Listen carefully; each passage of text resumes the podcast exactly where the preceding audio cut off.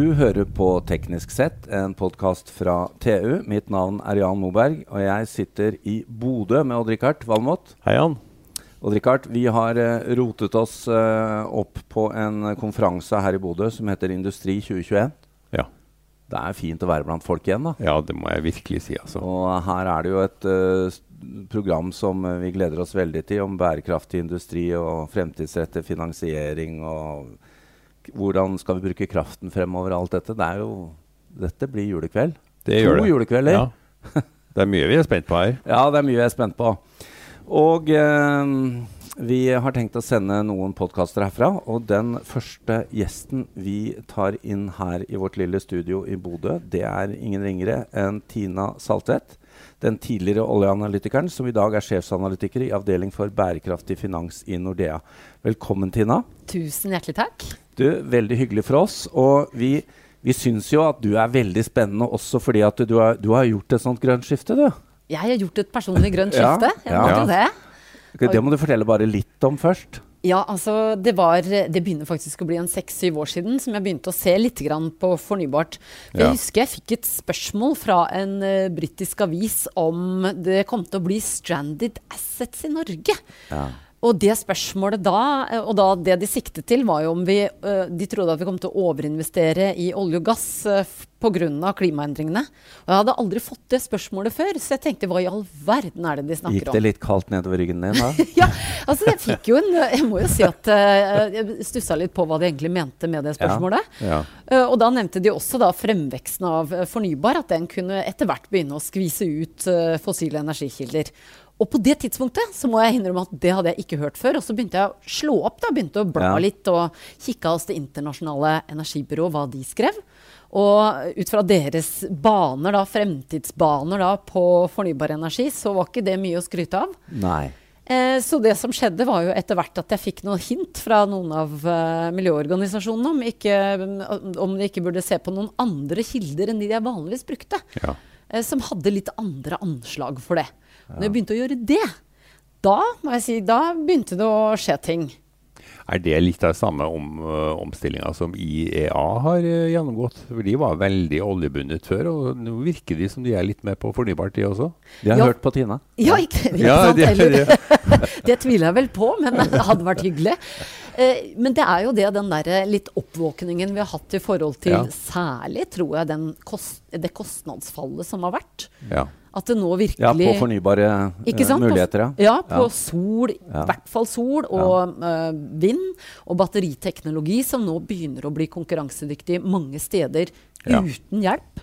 Det er klart at da har du en helt annen, uh, altså da har du en helt annet, et helt annet sted å stå på enn det f.eks. vi har sett fornybare hatt etter tidligere, sånn som oljekrisen og i 2014 og uh, finanskrisen. da Prisene datt kraftig, og de skvisa ut fornybar.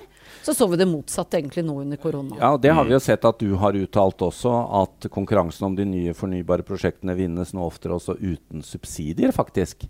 Ja, det er jo spennende. Det er jo, uh, da er det jo litt game over, Richard. Absolutt. ja. Når det skjer. Ja, for du, du, fjerner jo en del av den politiske risikoen. For det, det har jo vært mye snakk om i forhold til mm. Tyskland. ikke sant? At de har tidlig subsidiert eller støttet støtta eh, fornybar ja. energi. Og så har de tatt bort igjen støtten. Og det er klart at den type forhold liker jo ikke verken investorer eller industri å operere under. Så langsiktighet og, og um, stabile eh, rammer. Det er vel litt av det samme vi har gjort på elbil som tyskerne har gjort på sol og vind? Ja, det kan du si. Ja. Mm. Og det har jo vært viktig. Jeg tenker Nå begynner vi jo snart å, å se virkelig resultatene av uh, den satsingen vi har gjort på elbil her i Norge. Ja. Eh, dessverre så har vi jo ikke klart å lage noe næring rundt selve elbilen ennå. Bortsett fra at det begynner å komme noe batteriteknologi. Ja, men også lade, ladeboksindustrien i Norge ja. er jo skutt fram. Det er jo, det er jo, virkelig en ny industri. Det kan ja, da, du si. Men den store drømmen om å bli bilprodusent, den, den har vi hatt et par ganger, og den har Nei, ikke lykkes nå heller. Nei, ja, men eh, jeg får jo nevne at jeg kjører Buddy. ja, den er produsert på Økeren. Det var ja. Richard som kjøpte den Buddyen. ja, og så har jeg en Tesla som nummer to-bil. Festlig. Hvilket Men, år kom den igjen? Den kom, i, det, altså den kom jo på 90-tallet, ja. med blybatterier. da. Og så kom nikkel-metallhydrid i 2009, tenker jeg. Det er det jeg har. Og de batteriene er nå tolv år gamle og fungerer aldeles utmerket. Ja, særlig. Men vi ser jo på denne elbilsatsingen eh, i Norge som da begynte rundt, uh, rundt Begynte på 90-tallet. Det har jo Nå har ikke jeg sett de siste tallene på hvor mye bensin- og diesel stasjonskjedene selger i Norge, men det må ha vært en bratt nedgang? Vi har i hvert fall sett på nybilsalget. Jeg så ny rekord, tror jeg det var ja. for um, august. Ja. At da var jo nærmere 60% av nybilsalget i hvert fall. 70, tror jeg. Var det kanskje 70, som, ja? som var batterielektriske, altså hybriden oppå der igjen. Ja. Og så er det en 10 igjen til de rene stempelmotorene. Og det er jo enormt. Og jeg tenker det har jo bidratt til å få ned kostnadene i resten av verden også. Ja. Og det begynner vi å se. Det siste anslagene jeg så for Eller det siste nybilsalget, da, det er jo ikke Norge som Eh, ja, Vi har det største antallet i forhold til antall hoder, antall biler og i nysalget. Men antall biler generelt sett det er jo større nå ute enn her, og det er spennende. Ja, ja. og det er jo litt det som vi uh, er interessert i òg. Vi, ser, vi har ikke fått den store industrien rundt elbilen i Norge, men det kan ikke være noe tvil om at det vi har gjort her i Norge, har hjulpet resten av verden til å komme etter. Det er ingen tvil om, Nei. for da har du raskere fått ned både ja. prisen på, på elbil, eller, eller særlig batteri, og så har man også fått økt og testa rekkevidden og teknologien. Og så kan man masseprodusere det. Små biler som kan da skifte ut de bilene på de større markedene. Vi har vært et laboratorium, Odd-Rikard. Det har vi vært. Jeg er ikke sikker på at vi hadde fått den der voldsomme batterisatsinga som vi nå ser, som er på en måte den, den nye industrien i Norge, uten at vi har hatt den her elbilpolitikken. For de har, de har, blitt inspirert. altså De har sett hvor, hvordan, hvor går det veien hen. Og da er det lett å si at det er elbil som trenger batterier. Men Tina, eh, litt om eh, det som plager deg nå. Eller plager deg, du er sikkert inspirert av disse utfordringene. Nå skal vi skape ny industri i Norge. Og vi har snakket om disse store batteriprosjektene som det er en håndfull av. Hvordan skal vi komme dit? Hva er det nødvendig at vi gjør? Altså Teknologien virker jo som den er på plass. Ja, nå begynner det å dukke opp uh, flere og flere næringer da, rundt det fornybare markedet. Og det tenker jeg er kjempespennende. fordi at uh, jeg har jo reist, Nå kan man jo begynne å reise litt mer, og vi ja. ser jo det at helt det skjer. Helt til Bodø, faktisk. For det skjer jo veldig mye rundt. Jeg var en liten tur i Ålesund, og vi ser at det skjer noe på de områdene som tradisjonelt har produsert uh, industriprodukter eller uh, skip eller andre ting til oljeindustrien. De begynner nå å legge om. Så det skjer noe. Det har skjedd noe i løpet av de årene vi har vært nedlukka nå, og det syns jeg er interessant. Ja. Og det er jo push fra, som du nevnte tidligere, fra investorer og pensjonsfond og alle som skal plassere pengene sine, de vil vite hvor pengene går. I det markedet som jeg representerer, ja. eller den næringen, eh, finansnæringen, så er det ingen tvil om at her har det vært et skifte, og det går veldig fort. Mm. Og det vi gjør, er jo nettopp at vi ser at klimaendringene de begynner å påvirke oss, eh, både samfunnet og økonomien, og det må vi ta inn over oss. Så det vi ikke har vært gode nok, det er jo å sette en pris på de negative effektene klimaendringer har på samfunnet. Det må vi ta inn når vi, når vi skal se på risiko og muligheter i nye prosjekter. Og, og, det er jo en endring vi jobber med nå, at rett og slett at pengene må understøtte de gode løsningene. Ja. Så får du litt måte. straffegebyr på CO2-prising og sånn da, som vil eh, gi stor effekt, antagelig? Ja, for det er jo på en måte en måte å korrigere litt ja. på, er jo nettopp å legge til en CO2-avgift for å få den endringen raskere. Og ja, det er veldig ja. interessant hvor fort dette går. Det er ikke bare litt heller. Nå, det, er mye. Nei, det er mye, og spesielt akselererende nå. Det stiger jo nesten like raskt som strømprisen, disse CO2-avgiftene.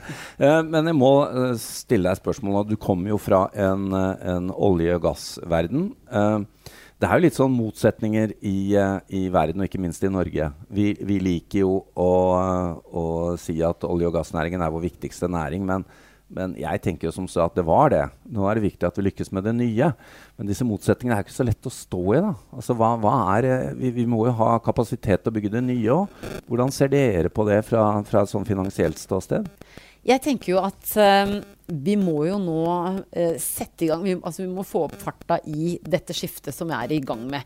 Og Årsaken til det at, uh, sånn som vi ser er at vi har jo ikke et sånn veldig langt vindu før mye av teknologien, hvis vi skal nå 1,5-gradersmålet, må uh, utvikles. Og den må eskaleres og ut på markedet. Og Da tenker jeg at da er det viktig for oss at hvis vi skal være med i det racet, så kan vi ikke sakke farta. Og det jeg er litt uh, eh, bekymra for, det er at vi nå låser uh, arbeidskraft. Vi låser kapital og vi ja. låser teknologi i gamle næringer. Slik at vi ikke har ressurser til overs til å bygge opp de nye næringene. Eller at det da blir et, et kostnadsjag. altså Du får en inflasjon, prisstigning, ja, som gjør at vi kanskje kan i verste fall konkurrere oss ut i forhold til nabolandene våre eller andre på de markedene vi ønsker å nå eller bygge opp. Mm. Fordi at vi har eh, Altså det blir mangel på, på, Ja, for dette er jo interessant. Du sitter jo i Nordea, og dere har jo, dere har jo mange flere land enn Norge i, i porteføljen på hva dere følger eh, analysemessig. og Svenskene og danskene trenger jo ikke tenke på at de skal understøtte en olje- og gassindustri lenger. De kan gå rett på de nye tingene. Kan vi risikere å tape hvis vi nå de neste par årene putter for mye penger inn i det? Vi kan i hvert fall risikere å overinvestere i sektorer eh, eller i en del prosjekter som ikke blir lønnsomme på, på sikt. Uh, og den retningen har vi jo sett at det har gått en, en, periode. Og så risikerer vi å låse en del arbeidskraft som vi også trenger til det ja. grønne skiftet. Eh, så det er viktig her at vi tenker litt langsiktig nå.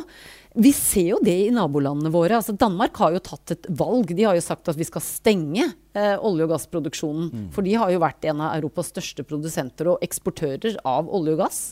Eh, og de har jo bestemt seg for Og de har satt en sluttdato. Eh, men det vi ser er at land som Sverige de satser også nå på offshore vind. Det er jo et område vi tenker vi selv Vi burde ha tatt. Vi burde ha tatt, ja. ja. Og tenker at vi har gode forutsetninger for å klare. Så vi kan ikke henge etter på de områdene her hvis vi ønsker å være med på den konkurransen, tror jeg da.